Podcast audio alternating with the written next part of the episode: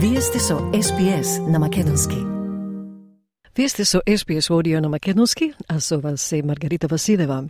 Денес ќе го посветиме вниманието на научниците од целиот свет кои се собираат во Нью Орлеанс оваа недела од 19 до 23 февруари на најголемата светска конференција за океански науки. Ова е прв пат настанот да се одржи лице в лице по 4 години поради пандемијата. Клучен фокус оваа година е како климатските промени влијаат на циркулацијата на океаните. Тоа се совпаѓа со нова студија која покажа дека циркулацијата на Атлантикот, која помага во регулирањето на глобалниот климатски систем, е во опасност од целосен колапс. Аби О'Брајен објаснува подетално во својот прилог за SPS News. SPS на Македонски, на радио, онлайн или на мобилен. Атлантската меридијална циркулација или ЕМОК е систем на струи познат како подвижна лента на океанот.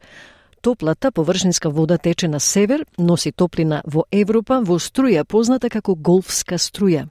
Како што се приближува до Гренланд, водата се лади и станува посолена, што и овозможува да потоне подлабоко додека се враќа на југ. Но како што планетата станува се потопла, Еймок станува се послаб. Премногу свежа вода од топењето на мразот на Гренланд може да ја разреди соленоста на протокот на вода, спречувајќи ја да потоне. Долго време се шпекулира дека системот преку времено може да се исклучи. Професорот Матју Ингленд од Универзитетот во Нофјужен Велс е истражувач на големата океанска циркулација и незиното влијание врз регионалната и глобалната клима. Тој вели Еймок е атлантска циркулација која зема многу топлина од тропските предели во Атлантикот и ја придвижува таа топлина до Северна Европа и ја ослободува во атмосферата, одржувајќи многу поблага клима во тој дел од светот. Тоа е циркулација, вели тој, која што е стабилна со илјадници години. Ако се забави или колабира, тоа би било големо нарушување на нашиот климатски систем, смета професорот England. So the AMOC is this Atlantic overturning circulation that takes a lot of heat from the tropics um, in the Atlantic, moves that heat up to northern Europe, and it releases that heat to the atmosphere, um, keeping that um, part of the world much more mild in its climate. It's an overturning circulation that's been there and steady for thousands and thousands of years. And so if, if it were to slow down or collapse, it would be a major disruption to our climate system. Сега имаме свеж увид во тоа како би можел да изгледа таков колапс. Користејќи компјутерско моделирање, научниците од Холандија симулираа проток на свежа вода додека Еймок не дојде до така наречената точка на превртување. Рене Ван Вуестен, постдокторски истражувач на Универзитетот во Утрехт, е еден од соработниците во студијата. Тој вели, кога се додава се повеќе и повеќе свежа вода во Атлантскиот океан, јачината на циркулацијата полека се намалува до критична точка и потоа се гледа забрзување во падот на јачината, а тоа е она што се нарекува превртена точка, така што изгледа како да паѓаш од карпа. So when you're adding more and more fresh water into the Atlantic Ocean, the circulation strength slowly decreases until a critical point, and then you see a acceleration in the strength decline, and that is what we call the tipping point. So it, it seems like you're falling off a cliff. Иако истражувачите не можат да дадат временска рамка за тоа кога ќе се достигне овој праг, тие беа во можност да проценат колку брзо ќе се појават влијанијата. Тој вели не можат да кажат кога тоа ќе се случи, но може би ако ја преминеме оваа пресвртна точка во иднина, овие промени ќе се случат во рок од 100 години, вели Weston. In our study we cannot say when this will happen, but maybe if we cross this tipping point in the future, these changes will develop within 100 years' time. And that is maybe on a human timescale relatively short, but on a climate timescale, this is really abrupt. Па кои се промените? Студијата предвидува дека температурите во Европа би можеле да се намалат за 3 степени секоја деценија, а нивото на морето таму може да се зголеми за 1 метар. Јужната хемисфера, вклучително и Австралија, би станала потопла и поподложна на поплави.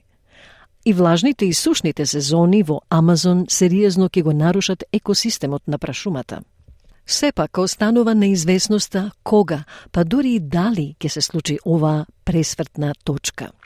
Джош Уилис, климатски научник во НАСА, вели дека во симулацијата додадена е значителна количина сладка вода, многу повеќе од она што моментално влегува во океанот поради топењето на мразот. Тој вели треба да бидеме подготвени за вакво нешто да се случи, но не изгледа дека е неизбежно во следната деценија или две, каде што ќе видиме целосно затворање на превртувањето и преуредувањето на целата клима на северната хемисфера.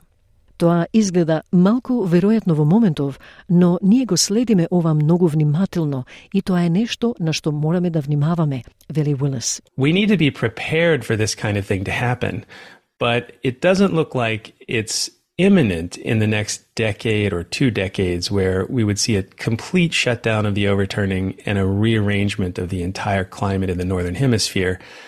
That seems unlikely right now. Um, but we're tracking this very carefully, and it's something we have to keep our eyes on. Прашањето е клучен фокус на состанокот Ocean Sciences во американскиот град Нью Орлеанс оваа недела.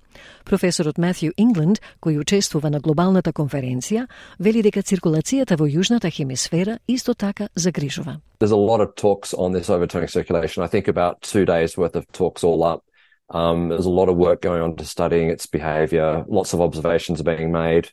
Um, lots of model simulation. So there's a lot of interest in this overturning circulation, um, along with other topics like the El Nino La Nina um, system, also the circulation around the Antarctic margin, because we also have a an overturning circulation off the Antarctic margin that um, we estimate has been slowing down and will continue to slow down. So um, we're seeing big, big changes to the ocean circulation globally. Веројатноста за достигнувањето на превртната точка овој век е многу мала, но потенцијалните последици, велат научниците, треба да предизвикаат акција. Од прилогот на Аби О'Брайен за SBS News. SBS. SBS. SBS. SBS. SBS. SBS Radio. Сакате ли да чуете повеќе прилози како овој? Слушате подкаст преку Apple Podcasts, Google Podcasts, Spotify или од каде и да ги добивате вашите подкасти.